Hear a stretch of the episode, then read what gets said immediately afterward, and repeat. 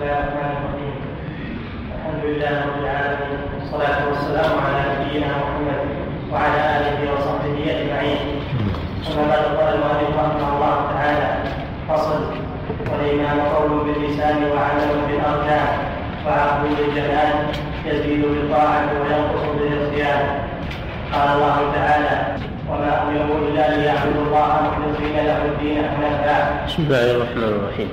الحمد لله والصلاة والسلام على رسول الله. وبعد نذكر بأن هذا آخر درس في هذا الفصل إن شاء الله إلى بداية الفصل الثاني بعد رمضان. ونستأنف الدروس إن شاء الله.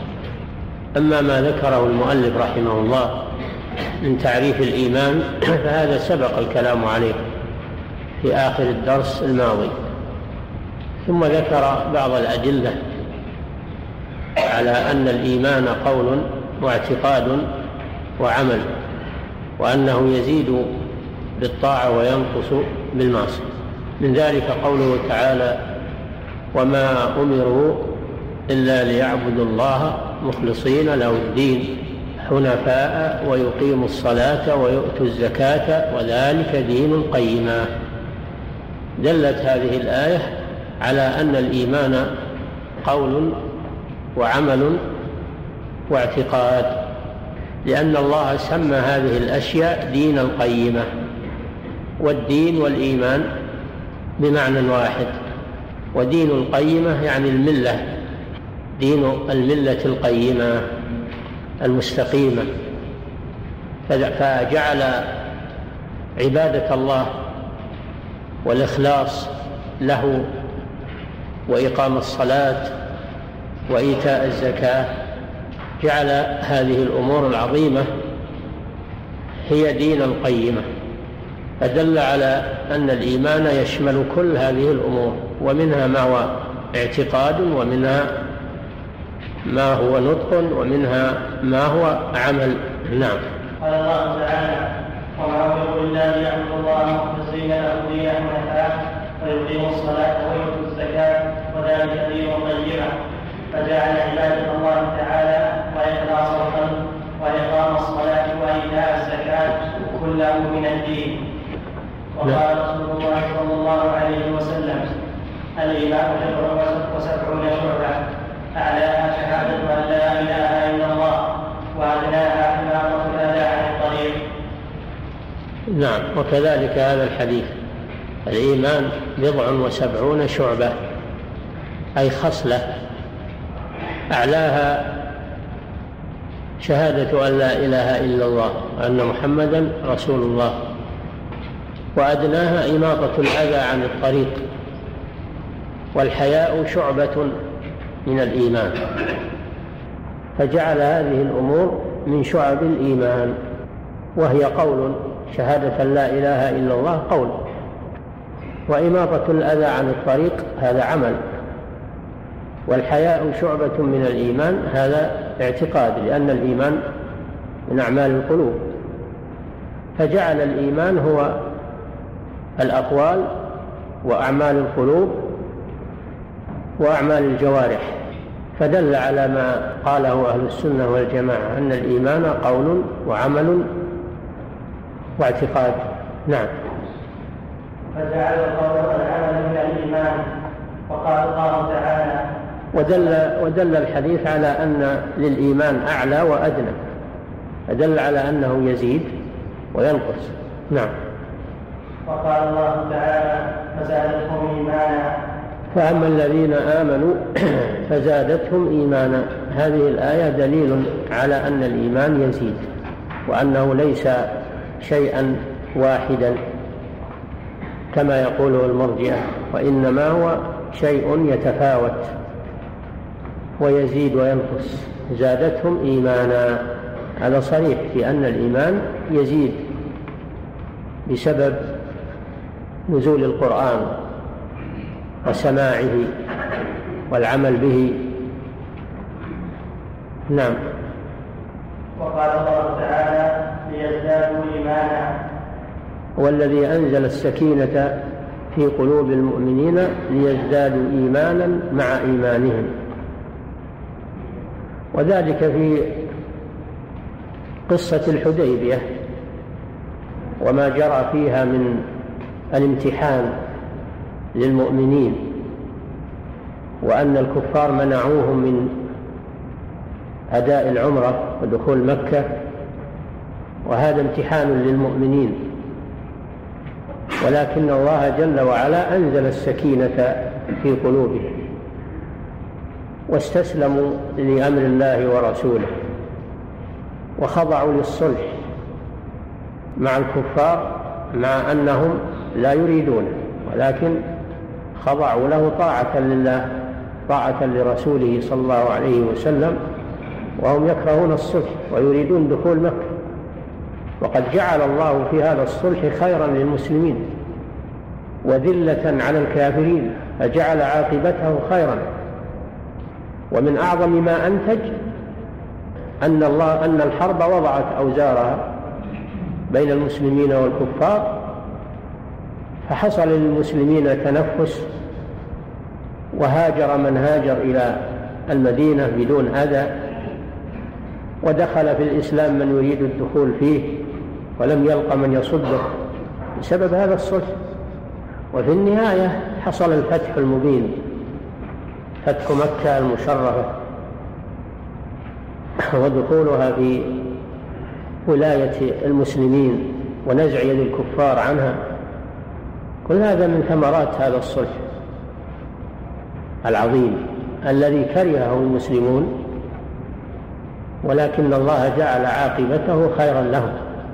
والمسلمون انقادوا بحكم الله ورسوله وأنزل الله السكينة في قلوبهم فلم يحصل منهم مخالفات أو تصرفات بسبب حماسهم أو بسبب الله جل وعلا أنزل في قلوبهم السكينة فهدأوا وسكنوا وانقادوا وإن كان كثير منهم لا يرضون بهذا الصلح لأنهم يعتبرونه وضيعة على المسلمين.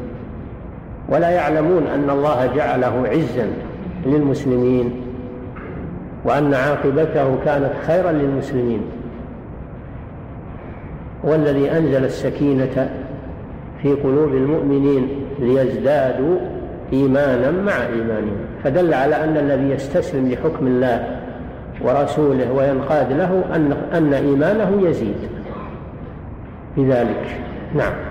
وقال رسول الله صلى الله عليه وسلم يخرج من النار من قال لا إله إلا الله وفي قلبه مثقال خطر أو خردله أو ذرة من الإيمان فجعله متفاضلا النبي صلى الله عليه وسلم أخبر أنه يخرج من النار يوم القيامة من قال لا إله إلا الله مع إيمان قلبه بمعناها وتيقنه لمدلولها.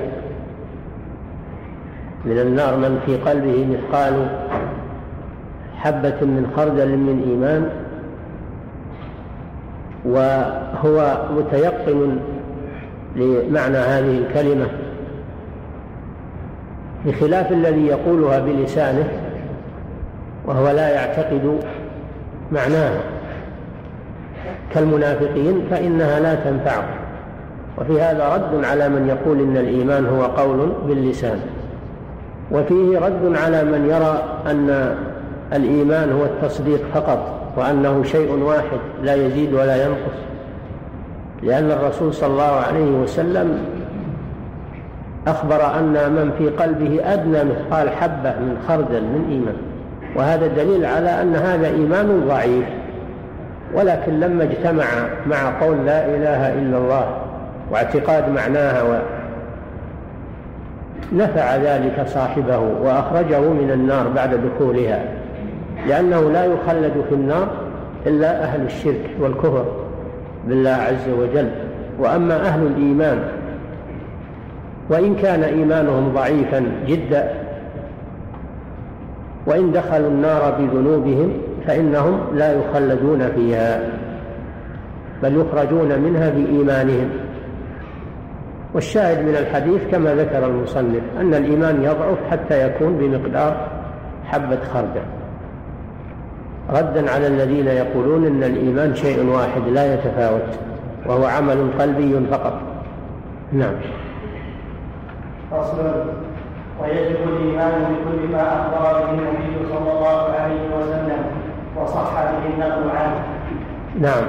لما عرف الإيمان وذكر الأدلة على تعريفه عند أهل السنة والجماعة ذكر أن من الإيمان الإيمان بالغيب.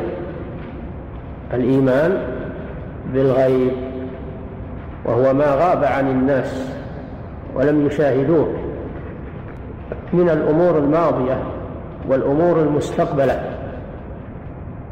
الذي لم يشاهده الناس لأنه قد مضى وانقضى أو لأنه لم يحدث بعد وسيأتي. فهذا ليس للعقل فيه دخل أبدا وإنما الاعتماد فيه على النقل وهو الخبر الصادق عن الله ورسوله.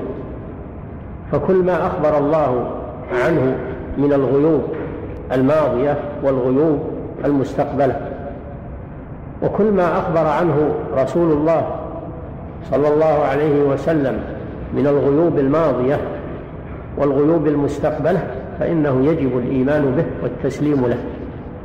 من غير تدخل بعقولنا وأفهامنا لأن هذا شيء لا تدركه عقولنا ولا أفكارنا وإنما مبناه وإنما مبناه على التسليم والتصديق بخبر الله ورسوله. والإيمان إنما هو الإيمان بالغيب. أما الإيمان بالشيء المشاهد هذا لا لا ميزة فيه لأحد ولا يسمى إيمانا. يعني إنسان ما يؤمن إلا بما يشاهده ويراه هذا ليس إيمانا. ولهذا لا يقبل الإيمان إذا قامت القيامة أو إذا حضر الإنسان أجله وشاهد ما كان يخبر عنه من الأمور الغائبة عنه.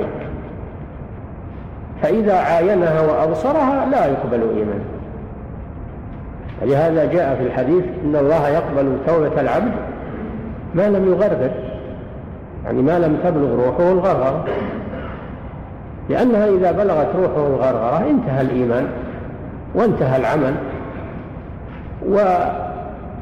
ووقع الإنسان فيما أخبر عنه في الماضي. شاهده عيانا لقد كنت في غفلة من هذا فكشفنا عنك غطاءك فبصرك اليوم حديد. هذا خطاب للإنسان. أنه عند نزع روحه يشاهد ما كان يخبر عنه في حياته. فحينئذ لا ينفعه الإيمان. كذلك قوله تعالى يوم يأتي بعض آيات ربك لا ينفع نفسا إيمانها. لم تكن آمنت من قبل أو كسبت في إيمانها خير. وهذا إذا طلعت الشمس من مغربها حينئذ لا يقبل الإيمان ممن آمن ولا التوبة ممن تاب لأن هذا أصبح حسا ومشاهد لا غائبا.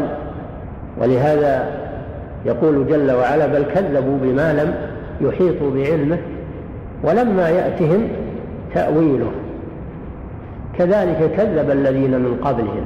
فانظر كيف كان عاقبة الظالمين. ولهذا يقول جل وعلا في أول سورة البقرة ذلك الكتاب لا ريب فيه هدى للمتقين الذين يؤمنون بالغيب ويقيمون الصلاة. فأول صفات المتقين أنهم يؤمنون بالغيب يعني بما غاب عنهم ولم يشاهدوه ولكن اعتمدوا فيه على خبر الصادق فآمنوا به كأنهم يشاهدونه كأنهم يشاهدونه عيانا لأنهم يصدقون بأخبار الله وأخبار رسوله صلى الله عليه وسلم. فالأمور الغائبة والمستقبلة لا يعتمد فيها على العقول ولا على الأفكار.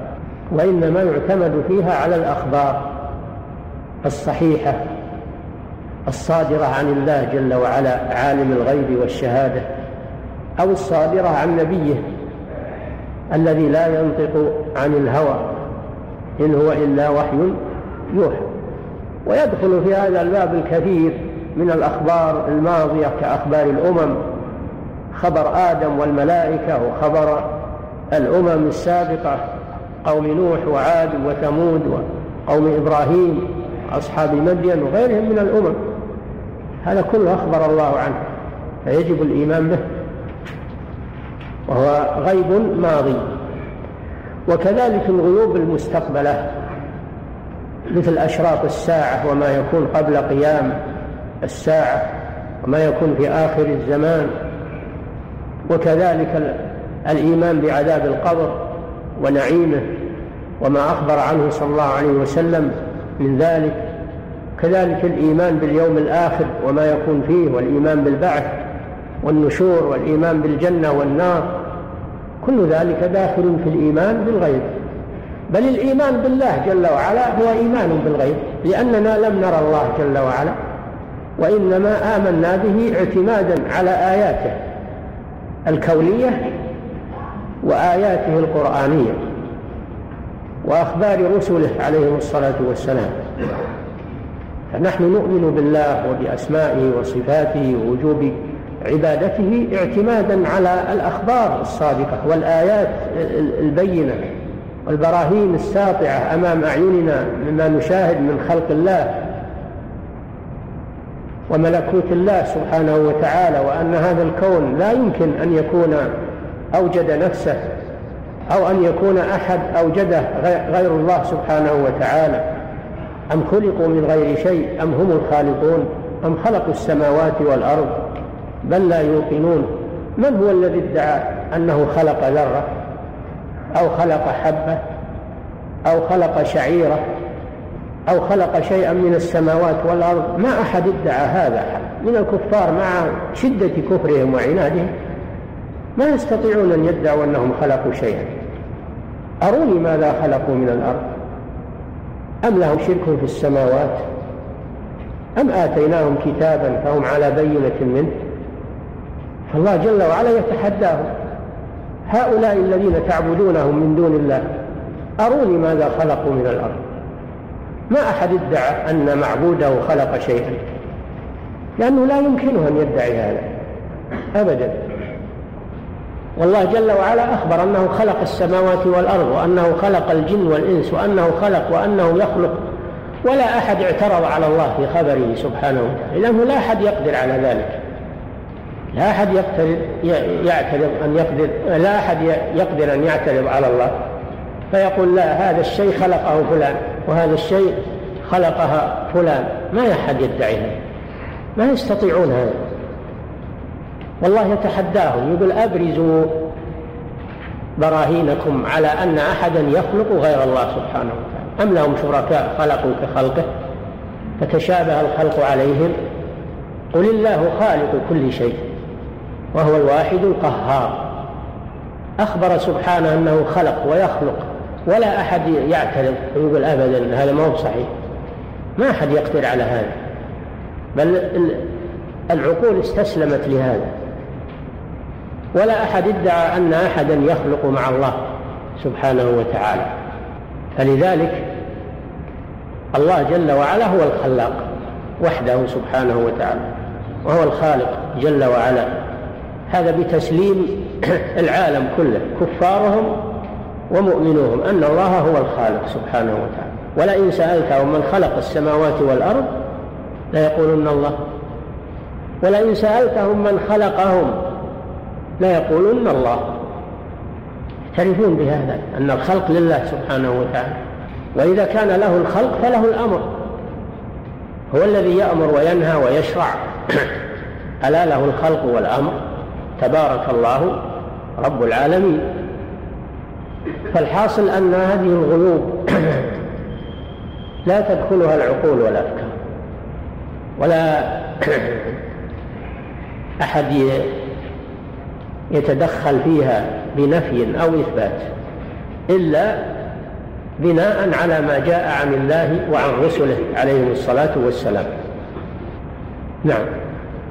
ويجب الإيمان بكل ما أخبر به النبي صلى الله عليه وسلم. بكل ما أخبر به النبي صلى الله عليه وسلم.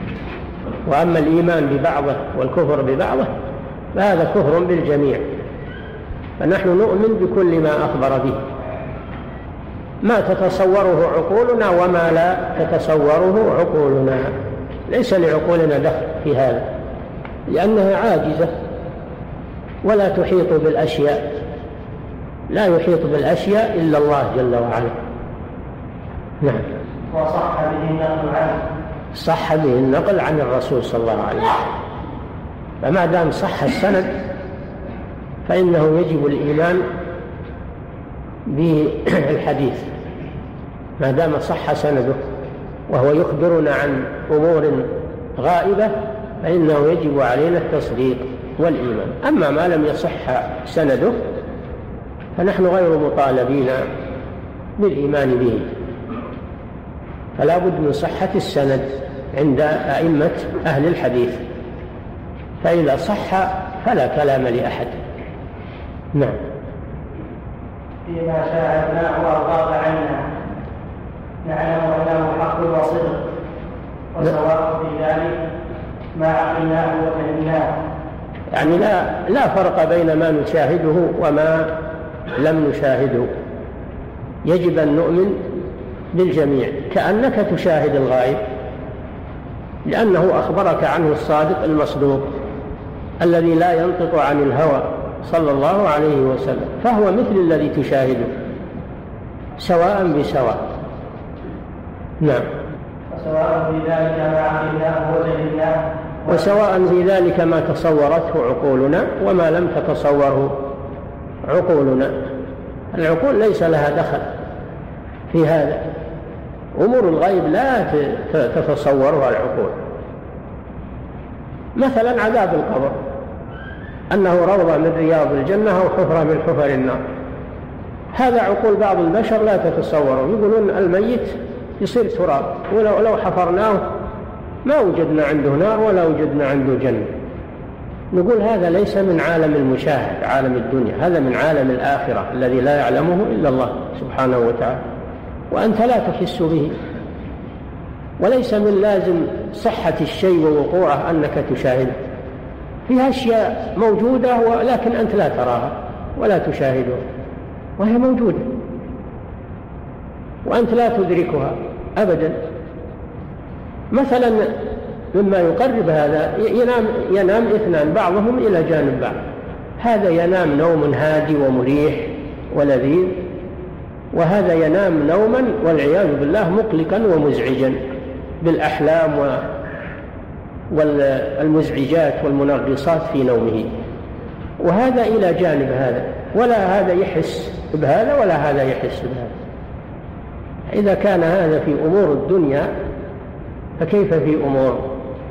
في أمور الآخرة التي لا يعلمها إلا الله. كذلك الأموات منهم من هو في نعيم ومنهم من هو في عذاب. وإن كان بعضهم إلى جانب بعض فلا هذا يحس بنعيم هذا ولا هذا يحس بعذاب هذا. كل يتعلق به حكمه. هذه قدرة الله جل وعلا التي لا يعجزها شيء. والله حجب عنا أمور الآخرة وعذاب القبر من أمور الآخرة. وإنما نحن نؤمن به بناء على خبر الرسول صلى الله عليه وسلم. فنؤمن أن الميت يعذب أو ينعم وإن كنا لا نحس بهذا ولا نرى. وفي حجبه عنا رحمة بنا. يقول صلى الله عليه وسلم لولا أن لا تدافنوا لسألت الله أن يسمعكم من عذاب القبر ما أسمع. فالله جل وعلا حجب هذا عنا رحمة بنا. الميت يضرب في قبره فيصيح صيحة يسمعها كل شيء إلا الثقلين. ولو سمعها الإنسان لصعق يعني لمات. من رحمة الله أن حجب هذا عنا ولا نسمعه ولا نراه. رحمة بنا. فأمور الآخرة لا تقاس بأمور الدنيا وأول أمور الآخرة عذاب القبر فهو أول منزل من منازل الآخرة وما يجري فيه فهو من عالم الغيب الذي لا يعلمه إلا الله سبحانه وتعالى. نعم.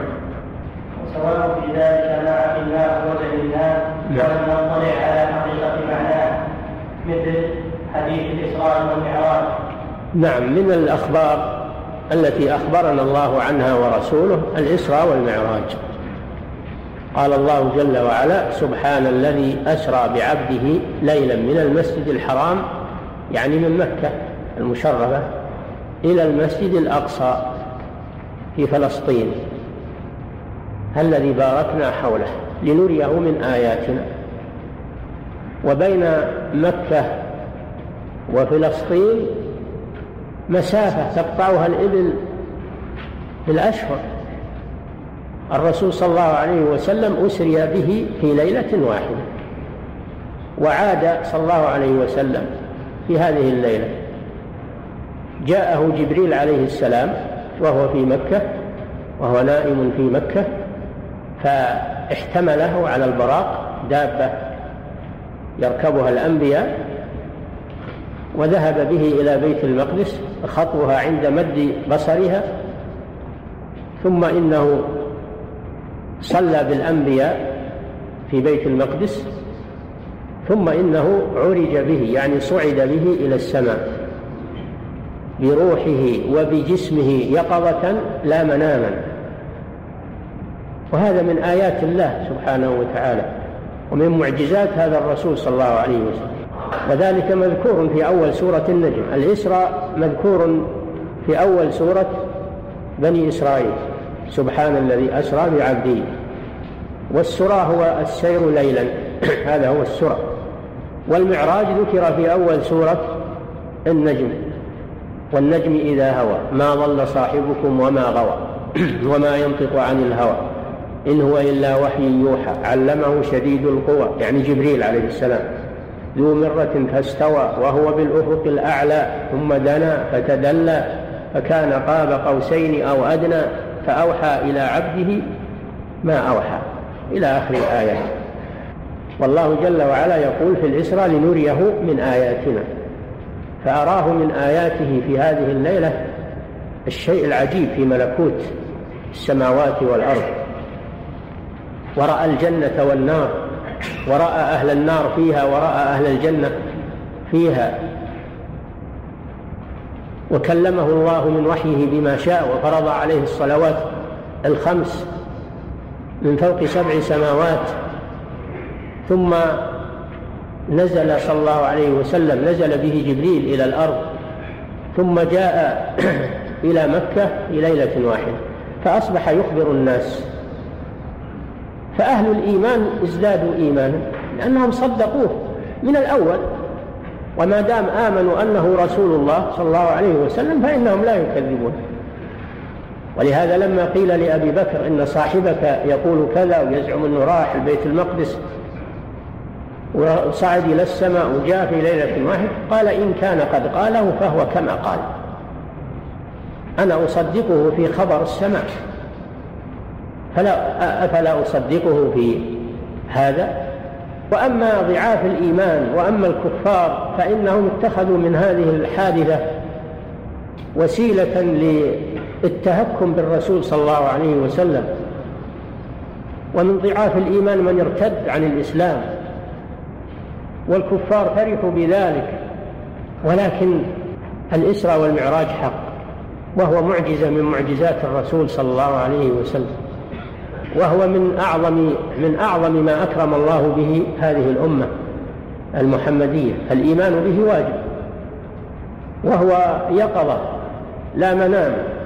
لأن المنام لا أحد ينكره. قريش لا تنكر الرؤيا ولو كان رؤيا ما أنكرته قريش لأنها تؤمن بالرؤيا وأيضا الله جل وعلا يقول أسرى بعبده والعبد إنما يكون لمجموع الروح والجسد. الروح وحدها لا تسمى عبدا. والجسد وحده لا يسمى عبدا وإنما مجموع الروح والجسد هو العبد. أسرى بعبده ليلا من المسجد الحرام في مكة المشرفة إلى المسجد الأقصى في بيت المقدس. مع بعد المسافة وذاك الوقت ليس فيه وسائل النقل السريعة ولكن فيه من خلق الله سبحانه ومن قدرة الله الذي أوجد هذه الوسائل السريعة الآن وهذه هذه قدرة الله جل وعلا وهذا خلق الله وهذا ملكوت الله. ما جاء أحد بشيء من عنده أبدا. ألا يقدر سبحانه أن يسري برسوله وأن يعرج به إلى السماء وأن يأتي به في ليلة واحدة؟ الله جل وعلا لا يستعصي عليه شيء. فالمدار على الإيمان. المدار على الإيمان والتسليم لله ولرسوله من غير تدخل بأفكارنا وعقولنا وقياساتنا. هذا هو الإيمان. نعم. مثل حديث الإسراء والمعراج وكان مناما. نعم لأنه لو كان مناما لم تنكره قريش ولا أحد ينكر الرؤيا فهو ليس رؤيا. نعم حصل للنبي صلى الله عليه وسلم رؤيا لكن في غير الإسراء والمعراج في قصص أخرى. نعم. فإن قريش وكان يقظة لا مناما فإن قريش أنكرته وأخبرت ولم تنكر المنامات لا تنكر الرؤيا. الرؤيا ما أحد ينكرها لا المؤمنون ولا الكفار لأنها أمر واقع. نعم.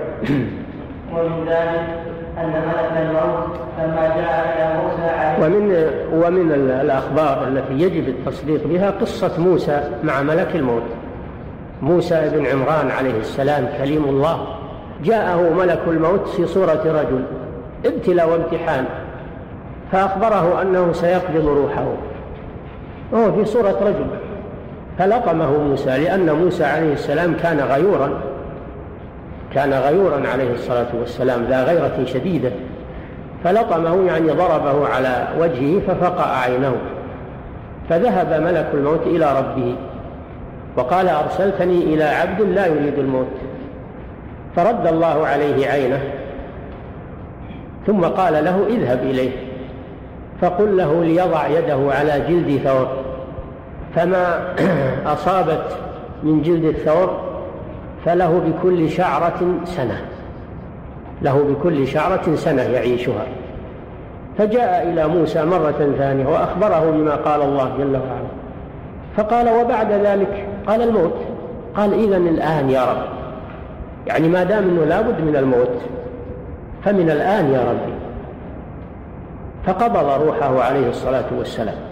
لما علم أنه ملك الموت وأنه رسول الله إليه استسلم عليه الصلاة والسلام. أما في الأول ما درى أنه ملك الموت ولا درى أنه مرسل من الله. جاءه على صورة رجل فقط وكان غيورا عليه الصلاة والسلام فضربه ما درى أنه ملك الموت ولا درى أنه مرسل من الله عز وجل. هذه قصة من أخبار الغيب نؤمن بها كما جاءت. ولا نقول كيف وكيف. نعم. من ذلك أن ملك الموت لما جاء إلى موسى عليه السلام ليقبض روحه لطمه فقطع عينه فرجع إلى ربه فرد عليه عينه ومن ذلك أخبار الساعة. ومن ذلك من أخبار الغيب التي يجب الإيمان بها المستقبلة أشراط الساعة. والأشراط جمع شرط وهو العلامة. عسى أن تأتيهم بغتة فقد جاء أشراطها أي علامات قيامها وقرب قيامها. فأنى لهم إذا جاءتهم ذكراهم. إذا قامت الساعة فليس لهم مجال للإيمان والتصديق حين ذاك ولا يقبل منهم توبة. وأشراط الساعة كثيرة. منها العلامات الصغرى ومنها المتوسطة ومنها الكبرى. أما الصغرى فقد حصلت وانتهت من بعثة النبي صلى الله عليه وسلم وهي تحدث. بعثة النبي صلى الله عليه وسلم من أشراط الساعة لأنه نبي الساعة عليه الصلاة والسلام. قال بعثت أنا والساعة كهاتين وأشار بأصبعيه السبابة والوسطى فهو نبي الساعة عليه الصلاة والسلام لا نبي بعد إلى أن تقوم الساعة. وما حدث من الفتوحات وانتشار الإسلام وكل هذا من علامات الساعة انتصار الإسلام وانتشاره في, في الأرض كل هذا من علامات الساعة وما حدث من الفتن بين الناس والحروب سفك الدماء كل هذا من علامات الساعة لأن الرسول صلى الله عليه وسلم أخبر عن ذلك. والعلامات المتوسطة وهي كثيرة جدا وتحدث الواحدة تلو الأخرى. ونحن نعيش في أمور تتجدد وتحدث وعجائب تحدث الآن. هذه من علامات الساعة. هذه المخترعات هذه الصناعات هذا الاتصال السريع هذا من علامات الساعة. كله من علامات الساعة. ما أخبر به صلى الله عليه وسلم من تقارب الزمان وتقارب البلدان وإلى آخره. كله من علامات الساعة وقد حدث. ثم تأتي العلامات الكبرى العشر. علامات الكبرى العشر. وهي تتتابع. أولا خروج المهدي من آل بيت الرسول صلى الله عليه وسلم من ذرية الحسن. اسمه كاسم الرسول صلى الله عليه وسلم محمد بن عبد الله. فينشر العدل وينشر الإسلام. وينصر الله به الدين ويملأ الأرض عدلا كما ملئت جورا. ثم في وقته يخرج المسيح الدجال الأعور الكذاب الذي يجعل الله على يديه فتنة عظيمة ومحنة عظيمة. حكمة منه سبحانه وتعالى. ثم ينزل المسيح عيسى بن مريم عليه الصلاة والسلام في آخر أيام الدجال ينزل من السماء ويقتل الدجال ويحكم بالإسلام بشريعة محمد صلى الله عليه وسلم ويبقى في الأرض مدة ثم يأتيه الموت عليه الصلاة والسلام ويموت بأجله الذي قدره الله له.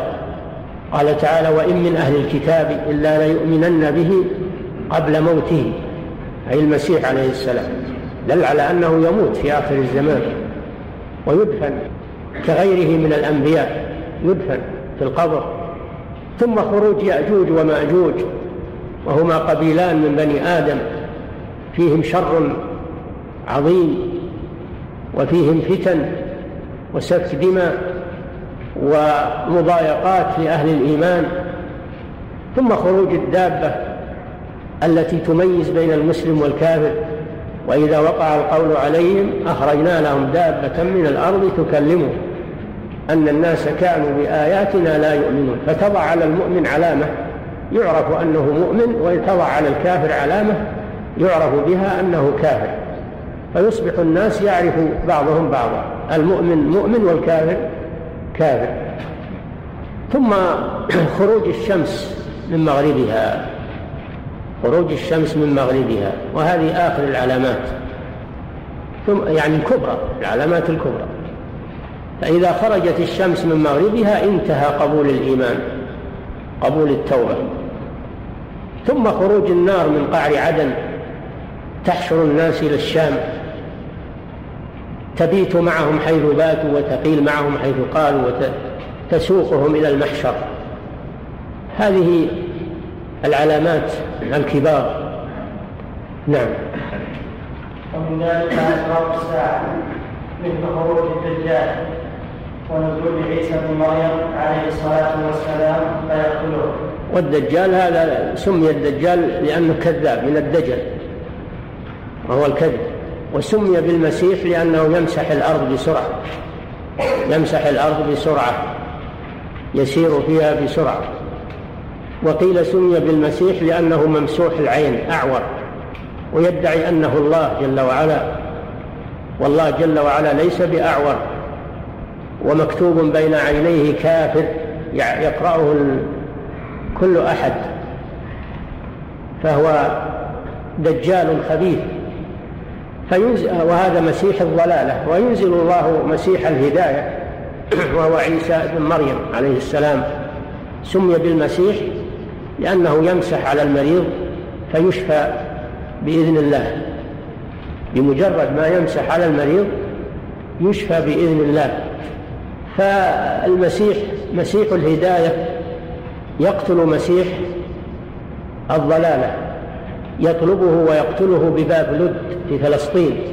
باب اللد واللد اسم إلى الآن على موضع في فلسطين فيقتله هناك. ثم إنه عليه الصلاة والسلام يحكم بشريعة الإسلام ويكسر الصليب ويقتل الخنزير ويحكم بالإسلام شريعة محمد صلى الله عليه وسلم ويكون متبعا لرسول الله وحاكما بشريعة رسول الله صلى الله عليه وسلم. نعم. وخروج يأجوج ومأجوج قبيلان من من بني آدم. قصتهم مذكورة في في القرآن الكريم. وذلك أن الملك العظيم المؤمن ذا القرنين مكنه الله سبحانه وتعالى. فسار في مشارق الأرض ومغاربها. يدعو إلى الإسلام وإلى التوحيد وإلى ويجاهد في سبيل الله. فلما بلغ بين السدين وجد من دونهما قوما لا يكادون يفقهون قولا. وهم ياجوج وماجوج يهددون البشرية.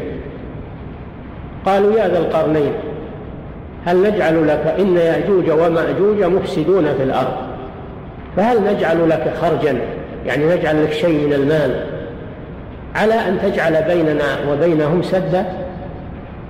قال ما مكني فيه ربي خير. رفض أن يأخذ منهم شيئا. وأخبر أنه عنده ما يكفي مما أعطاه الله سبحانه وتعالى. ثم طلب منهم أن يحضروا له المواد والأشياء فقام وبنى هذا السد العظيم ساوى بين الصدفين بين الجبلين وجعله سدا عظيما أملس. لا أحد يستطيع أن يخرقه ولا أحد يستطيع أن يظهره أي أن يرقى عليه. فصار هذا السد من نعم الله على البشرية. قال هذا رحمة من ربي. لكن في آخر الزمان يقومون بنقب هذا السد. قال تعالى فما استطاعوا أن يظهروه أن يعلوا عليه وما استطاعوا له نقبا لكن في آخر الزمان يقدرهم الله على نقبه. فإذا جاء وعد ربي جعله دكاء وكان وعد ربي حقا. وتركنا بعضهم يومئذ يموج في بعض فيخرجون على أهل الأرض ويحصل منهم من الفساد وسفك الدماء والشرور ما لا يعلمه إلا الله مما جاء وصفه في الأحاديث. والبشر لا يستطيعون مقاومته. ثم إن الله يبعث مرضا يصيبهم في أعناقهم مثل النغف مثل الدود في أعناقهم فيموتون جميعا يموتون جميعا ويستريح المسلمون منهم. يستريح المسلمون منهم. وتأكل دواب الأرض من أجسامهم حتى تسمن وتشكر. فهذه آيات عظام وعلامات كبار من علامات الساعة. نعم. وخروج الدابة. الدابة التي تخرج من من الأرض. أخرجنا لهم دابة من الأرض. الله أعلم بصفتها وكيف ورد فيها أحاديث وأخبار لكن الله أعلم. هي هي دابة تخرج من الأرض كما قال الله جل وعلا. أما كيفية خروجها ومن أين تخرج وموضع خروجها فالله أعلم بذلك. نعم. وطلوع الشمس من مغربها. الشمس تطلع من المشرق وتغيب في المغرب. هذه سنة الله الكونية الشمس أنها تدور حول الأرض شرقا وغربا دائما وباستمرار. لا كما يقوله الملاحدة أن الأرض هي اللي تدور على الشمس وأن الشمس ثابتة. فهذا من انتكاس الفطر والعقول. بل العكس الأرض هي الثابتة والشمس والأفلاك تدور على الأرض. تدور على الأرض. كما أخبر الله جل وعلا وكما أخبر رسوله وكما هو المشاهد المحسوس فهي تطلع من المشرق وتغيب في المغرب. كما قال إبراهيم عليه السلام للنمرود إن الله يأتي بالشمس من المشرق فأتي بها من المغرب. لما ادعى أنه يحيي ويميت وأنه رب قال له هذه المعجزة العظيمة التي بهتته. إن الله يأتي بالشمس من المشرق. إذا كنت كما تزعم أنك رب ائت بها من المغرب. اعكس ما أراده الله سبحانه وتعالى. فبهت الذي كفر. لأنه لا يستطيع هذا. ولا يقدر على هذا إلا الرب سبحانه وتعالى. فسنة الله في الشمس أنها تأتي من المشرق وتغرب في المغرب. يعني تدور على الأرض. وإذا كانت في جانب من الأرض أضاءت وصار نهارا وإذا كانت غابت عن ذلك الجانب صار ليلا. إلى أن تدور مرة ثانية وهكذا. يتعاقب الليل والنهار بناء على دوران الشمس على الأرض. قدرة الله سبحانه وتعالى. فإذا اختل نظام هذا الكون وأراد الله خراب هذه الدنيا انعكس سير الشمس. فصارت تخرج من المغرب تطلع من المغرب. فإذا طلعت من المغرب هذا دليل على قرب قيام الساعة وعلى خراب هذا النظام الكوني. وقيام الساعة وانتهاء الدنيا. وحلول الآخرة الدار الآخرة. هذا من علامات الساعة طلوع الشمس من مغربها نعم. وأشباه ذلك مما صح به النقل. وأشباه هذه الأخبار التي ذكر المصنف نماذج منها من أشراط الساعة. مما صح به النقل. شوف ولا لازم لازم من الصحة. هذه الأمور الغيبية لا تثبت إلا بدليل صحيح. أما الدليل الضعيف والدليل الذي لا يبلغ درجة الصحة فهذا لا يعتمد عليه في عقيدة المسلم وإنما يعتمد على الأدلة الصحيحة وسواء كانت متواترة أو آحادا. هذا اعتقاد أهل السنة أنهم لا يفرقون بين المتواتر والآحاد المدار على الصحة فقط. فإذا صح الحديث فإنه يجب اعتقاد ما دل عليه. من غير شك ولا ريب لأنه كلام من لا ينطق عن الهوى وقد صح سنده فلم يبقى عذر لترك الإيمان به. نعم. وعذاب القبر ونعيمه حق وكذلك من الأمور التي أخبر عنها الرسول صلى الله عليه وسلم عذاب القبر ونعيمه. تواترت الأحاديث في ذلك وأنكر المعتزلة عذاب القبر ونعيم القبر بناء على عقولهم الفاسدة. ويقولون إن ما نشاهد في القبر شيء. طيب الأمور مبنية على مشاهدتكم وعلى ما تحسونه أنتم ولا على ما على قدرة الله جل وعلا؟ ما لعقولكم ولا لإحساسكم دخل في هذا. فأنكرت المعتزلة عذاب القبر ونعيمه بناء على عقولهم الفاسدة. وعذاب القبر ثابت بالكتاب وبالسنة وبإجماع أهل السنة والجنة قال الله جل وعلا ولنذيقنهم من العذاب الأدنى دون العذاب الأكبر. قالوا عذاب الأدنى هو عذاب القبر. أو هو ما يصيبهم في الدنيا من المحن والمصائب ففيه قولان العذاب الأدنى قيل هو عذاب القبر وقيل هو ما يصيبهم في الحياة من المصائب والنكبات وتسلط المسلمين عليهم بالقتل والسبي وغير ذلك.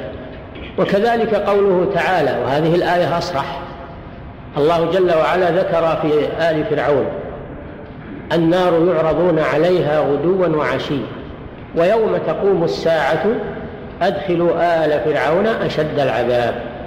فقوله جل وعلا النار يعرضون عليها غدوا وعشيا هذا في عذاب القبر في عذاب القبر. ثم قال ويوم تقوم الساعة أدخلوا آل فرعون. فدل على أن عذاب عذاب الغدو والعشي هذا في الدنيا وذلك في القبر. وإذا قامت الساعة فإنهم يصيرون إلى أشد العذاب والعياذ بالله. فهذا في الآية فيها دليل على على عذاب القبر. مع الأحاديث المتواترة عن رسول الله صلى الله عليه وسلم في ذلك. نعم. وعذاب القبر ونعيمه حق. فقد استعاذ النبي صلى الله عليه وسلم منه وامر به في كل صلاة. استعاذ النبي صلى الله عليه وسلم من عذاب القبر. فدل على أنه حق وعلى أنه واقع وثابت. وإلا لم يستعذ منه الرسول صلى الله عليه وسلم. وأمر بالاستعاذة منه في كل صلاة. فقال صلى الله عليه وسلم استعيذوا بالله من أربع من عذاب القبر. ومن فتنة المحيا والممات ومن فتنة المسيح الدجال من عذاب جهنم. استعيذوا بالله من أربع من عذاب جهنم ومن فتنة المحيا والممات ومن فتنة ومن عذاب القبر ومن فتنة المحيا والممات ومن فتنة المسيح الدجال. هذه أربع عذاب القبر من عذاب جهنم ثنتين فتنة المحيا والممات ثلاث من فتنة المسيح الدجال هذه أربع. فالشاهد أن الرسول صلى الله عليه وسلم أمر بالاستعاذة من عذاب القبر. فدل على أنه عذاب واقع وحاصل وأن المؤمن يستعيذ منه.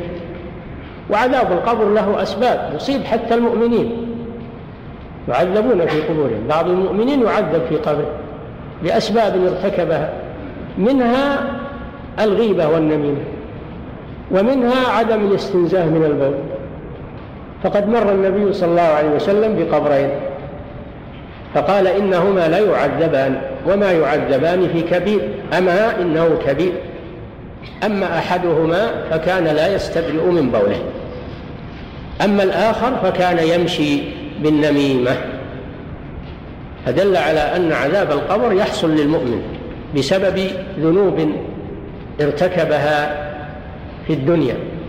وكذلك قوله صلى الله عليه وسلم إن الميت ليعذب في قبره بما نيح عليه. النياحة على الميت تسبب تعذيبه هي سبب من أسباب تعذيبه في قبره. نعم. وفتنة القبر حق وسؤال منكر ونكير حق فتنة القبر وسؤال منكر ونكير حق. مما يجري في القبر أيضا سؤال منكر ونكير من الملائكة أنه إذا وضع الميت في قبره وسوي عليه القبر وتولى عنه المشيعون وإنه ليسمع قرع نعالهم يأتيه ملكان فتعاد روحه في جسمه. وهذه حياة برزخية ما هي مثل إعادتها في الحياة على الأرض لا هذه حياة برزخية. لا يعلمها إلا الله سبحانه وتعالى. فتعاد روحه في جسمه ويجلسانه فيقولان له من ربك وما دينك ومن نبيك فالمؤمن يقول ربي الله والإسلام ديني ونبي محمد صلى الله عليه وسلم. لا يتلعثم ولا يتردد لأنه كان مؤمنا في هذه الدنيا مؤمنا بالله ومؤمنا بالرسول صلى الله عليه وسلم. ومتمسكا بدين الإسلام فلا يتلجلج في السؤال ولا يتردد. أما المنافق الذي كان يعيش في هذه الدنيا على الشك يدعي الإسلام بلسانه وهو منكر في قلبه فإنه يعجز إذا سئل في القبر ويتحير ويقول ها ها لا أدري. سمعت الناس يقولون شيئا فقلته. فالأول ينعم ويفتح له باب إلى الجنة وهذا يعذب ويضيق عليه في قبره حتى تختلف أضلاعه ويفتح له باب إلى النار. هذا سؤال منكر ونكير في القبر. نسأل الله الثبات. ولهذا يقول جل وعلا يثبت الله الذين آمنوا بالقول الثابت في الحياة الدنيا وفي الآخرة ويضل الله الظالمين ويفعل الله ما يشاء. هذا فيه دليل على ثبوت عذاب القبر وسؤال الملكين منكر ونكير. ولهذا كان صلى الله عليه وسلم إذا فرغ من دفن الميت وقف على قبره هو وأصحابه وقال استغفروا لأخيكم واسألوا له التثبيت فإنه الآن يسأل. فيستحب للمسلمين إذا فرغوا من دفن الميت أن يقفوا على قبره ولا يستعجلوا بالانصراف ويسألون له التثبيت ويستغفرون له. فإن الله ينفعه بذلك لأن دعوة المسلمين مستجابة. نعم. والبعث بعد الموت حق. وكذلك من أمور الغيب البعث بعد الموت. نقف على هذا. نعم. فضيلة الشيخ وفقكم الله. ما هو الوقت والتاريخ الراجح بالنسبة للإسراء والمعراج؟ نعم. ما هو الوقت والتاريخ الراجح بالنسبة للإسراء والمعراج؟ وهل حددت ليلة المعراج بليلة 27 من رجب أم لا؟ لم يحدد الله لنا وقت الإسراء والمعراج وإنما أخبرنا عن حصوله فقط ولو كان في تحديد الليلة التي حصل فيها مصلحة لنا لبينها ربنا أو بينها لنا رسولنا صلى الله عليه وسلم الواجب علينا الإيمان بالإسراء والمعراج وأما البحث عن وقته والاحتفال بليلته فهذا لم يشرعه الله لنا ولم يشرعه لنا الرسول صلى الله عليه وسلم ولم يثبت في تحديدها شيء. لا ليلة سبع وعشرين من رجب ولا غيره. إنما هو حصل قبل الهجرة قبيل الهجرة من مكة إلى المدينة ولم يحدد لنا وقته لأنه ليس لنا مصلحة من تحديد ذلك. نعم. الإسراء والمعراج في ليلة واحدة؟ نعم في ليلة واحدة نعم. أسري به إلى بيت المقدس ثم عرج به من بيت المقدس إلى السماء ثم نزل من السماء إلى بيت المقدس ثم جاء إلى مكة في ليلة واحدة. وهذا من آيات الله سبحانه وتعالى. آيات الله العجيبة. لا تستغربوا على قدرة الله هذا. الآن حصل من المصنوعات والمخترعات ما يبلغ القارات في في زمن يسير. هذا من خلق الله سبحانه وتعالى ومن قدرة الله. نعم. كان من أول لو تقول واحد إن الإنسان يبي يطير من الرياض الصباح ويبي يصلي العصر في أمريكا كانوا يرجمونك بالحجارة. يقول هذا دجال. والآن صار شيء عادي. الآن صار شيء عادي. فلا تستغربوا على قدرة الله سبحانه وتعالى. نعم. فضيلة الشيخ وفقكم الله هل العروج إلى السماء بالروح والجسد أيضا أم الإسراء لا كل كلاهما. كلاهما الإسراء بالروح والبدن والمعراج بالروح والبدن. وليس هو رؤيا فقط أو هو بالروح فقط. كل هذا غير صحيح. لأن الله قال أسرى بعبده والعبد اسم لمجموع. الروح والجسد. ولو كان رؤيا ما أنكره أحد لأن الرؤيا كل يقر بها. نعم. قضية الشيخ وفقكم الله كيف نجمع بين رؤية الرسول صلى الله عليه وسلم في الجنة والنار ليلة المعراج وبين قوله عليه الصلاة والسلام فيها ما لا عين رأت ولا أذن سمعت ولا خطر على قلب بشر. لا تعارض لأن الرسول ما رأى كل ما فيها. الرسول ما رأى كل ما فيها فيها أشياء أخفاها الله سبحانه وتعالى.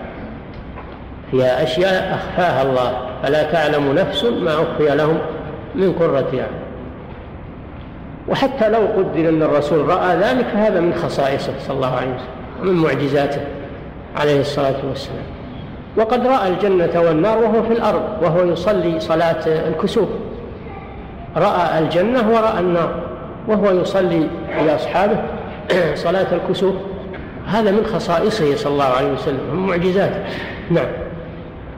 فضيلة الشيخ وفقكم الله المعراج هل هو على البراء أم على سلم يصعد به إلى السماء حيث الإسراء على الإسراء على البراق وأما المعراج فإنه على آلة الله أعلم بها على سلم بين السماء والأرض لا يعلمه إلا الله سبحانه وتعالى.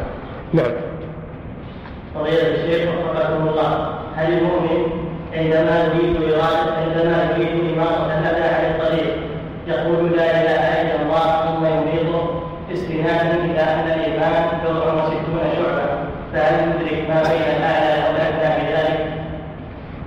ما هم من لازم قول لا إله إلا الله أن يرتبط مع إزالة الأذى عن الطريق؟ بل لا إله إلا الله خصلة مستقلة تقولها في أي مناسبة وأي حال وإماطة الأذى عندما ترى عندما ترى أذى في الطريق تنحيه عن المسلمين.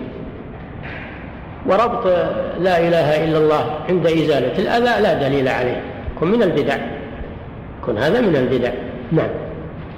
فضيلة الشيخ وفقكم الله ما يذكره بعض قصاص القرآن من أنهم يرون الثعبان خرج من القبر قبل دفن حفروا القبر بأكل شيء رأوا نارا أو سمعوا صوتا للتهديد فهل يصدقون بذلك؟ نعم قد يحصل شيء من هذا. لأجل أن يري الله عباده.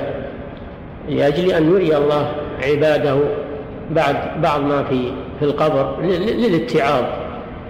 وذكر الحافظ بن رجب له كتاب مستقل اسمه أهوال القبور. ذكر في هذا الكتاب أشياء عجيبة. فقد يظهر لبعض الناس من عذاب القبر ما لا يظهر لغيره لأجل العبرة والاتعاظ. نعم. فالحاصل أن هذا لا يصدق ولا يكذب. لا يصدق ولا ولا يكذب. قد يكون صحيحا وقد يكون غير صحيح. نعم. إلا إذا علم صدق المخبر إذا علم صدق المخبر وثقته يصدق في هذا.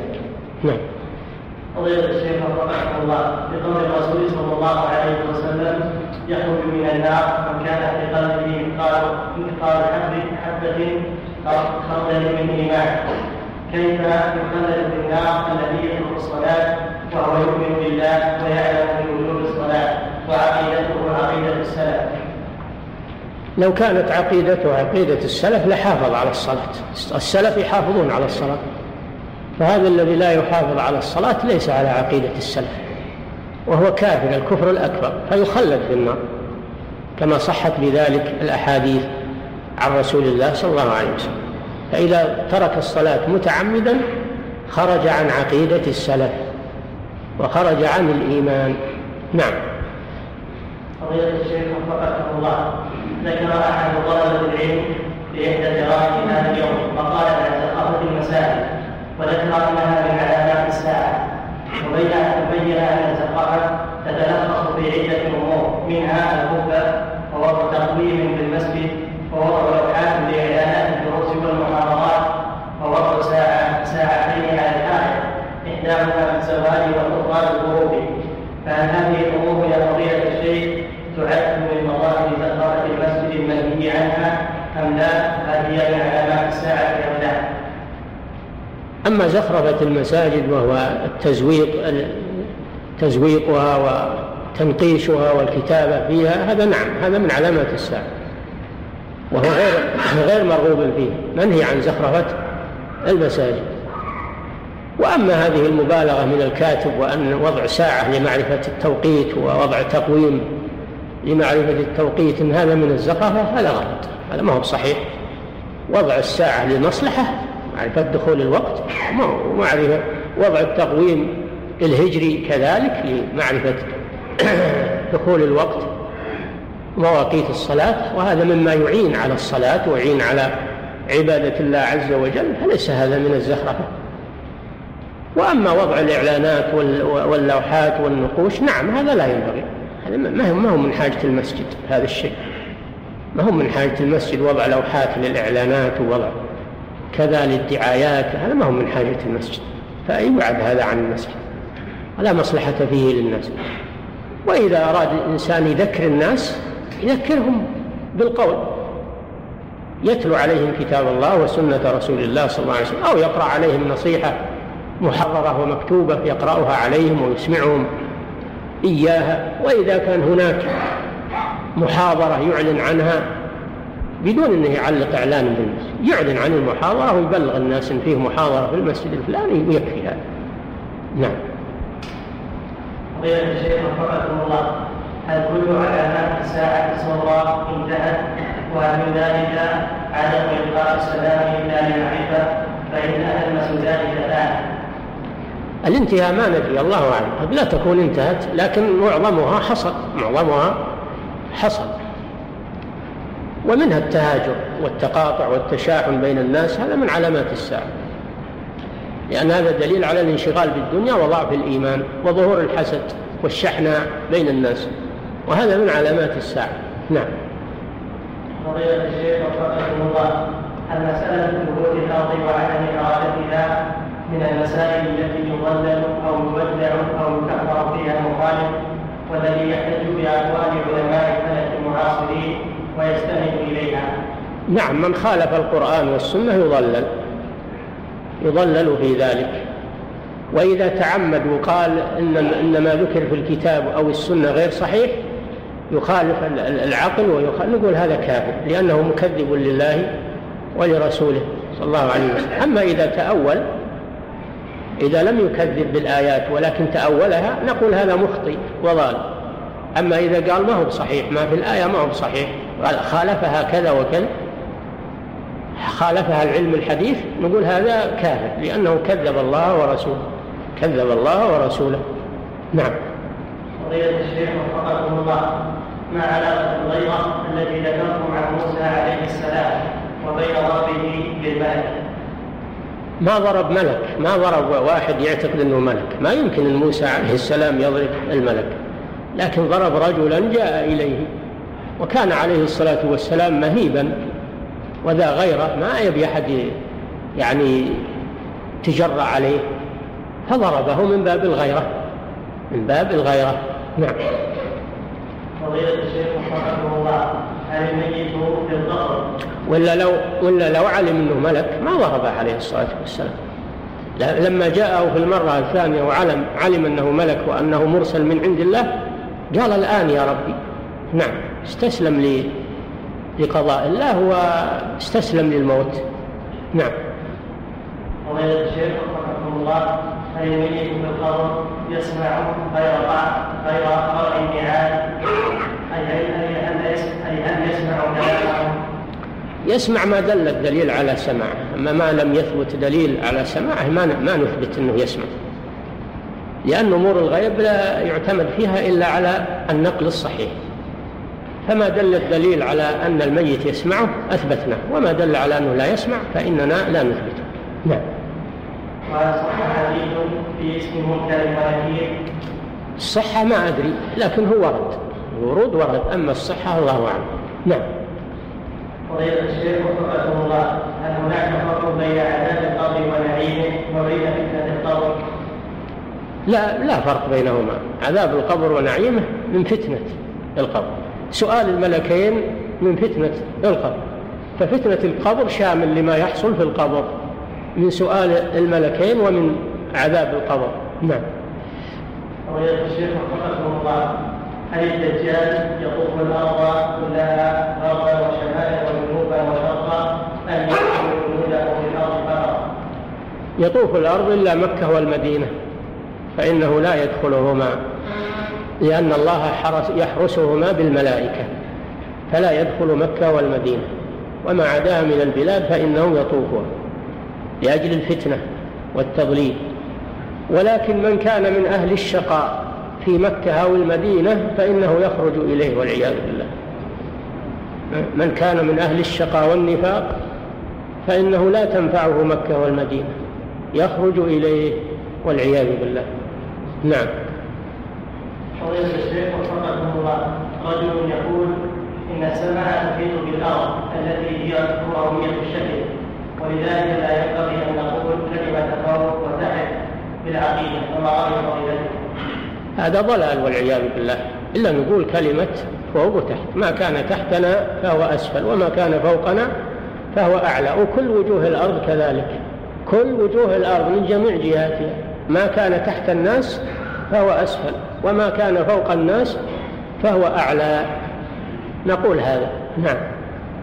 فضيلة الشيخ وفقكم الله. إذا ورد حديث في العقيدة وكان حسنا باصطلاح المحدثين هل يرد بأنه لم يبلغ درجة الصحة؟ الحسن عند المتقدمين داخل في الصحيح. داخل في الصحيح عند المتقدمين فيأخذ حكم الصحيح. نعم. فضيلة الشيخ وفقكم الله. ورد الحديث القدسي لو أتيتني بقراب الأرض خطايا ثم أتيتني لا تشرك بي شيئا لأتيتك بقرابها مغفرة. ما معنى ذلك؟ وكيف نجمع بينه وبين قول الله سبحانه ومن يقتل مؤمنا متعمدا فجزاؤه جهنم خالدا فيها. وهل يصلح أن نقول إن المغفرة المذكورة في الحديث قد تكون بعد التعبير بالنار ارجو البيان من فضيلتكم نعم هذا لاتيتك بقرابها. مغفرة يشمل القتل يغفره الله جل وعلا بالتوبة. يشمل القتل وغيره. يغفره الله بالتوبة ويغفره الله بتجنب الشرك. فالموحد يغفر له ما دون الشرك. إن الله لا يغفر أن يشرك به ويغفر ما دون ذلك لمن يشاء. ومن ذلك القتل. فلا معارضة بين أحاديث رسول الله صلى الله عليه وسلم. نعم. فضيلة الشيخ وفقه الله أشكل عليه أن النبي صلى الله عليه وسلم رأى في ليلة الإسراء والمعراج النار. ومن المعلوم أن أهل النار يكونون في النار يوم القيامة وكذلك أهل الجنة. فأرجو من فضيلتكم رد هذا الإشكال. يا أخي أهل النار والعياذ بالله يكونون فيها دائما وأبدا. إذا ماتوا صاروا في النار. وصاروا أيضا يعذبون في قبورهم فهم في النار وهم يعذبون في قبورهم وأهل الجنة كذلك. هذا ممكن بمشيئة الله وقدرته سبحانه وتعالى. نعم. الشيخ رحمه الله لماذا يعذب لماذا يعذب الله الميت بسبب نياحة أهله عليه مع أنه ليس له ذنب بما فعله أهله أرجو بيان لأن هذه النياحة بسببه هو. وقالوا إنه يحمل على ما إذا أوصى إذا أوصى بأن يناح عليه أو علم أنهم سينوحون عليه ولم ينههم عن ذلك بل تركهم ولم ينصحهم فإنه يعذب بذلك لأنه لم يمنع أهله ولم ينكر عليهم نعم. وعلى كل حال نحن نثبت ما جاء في الحديث لأن الميت يعذب بما نيح عليه أما كيفية تعذيبه فالله أعلم بها. الله تعالى أعلم وصلى الله وسلم على نبينا محمد وعلى آله وصحبه.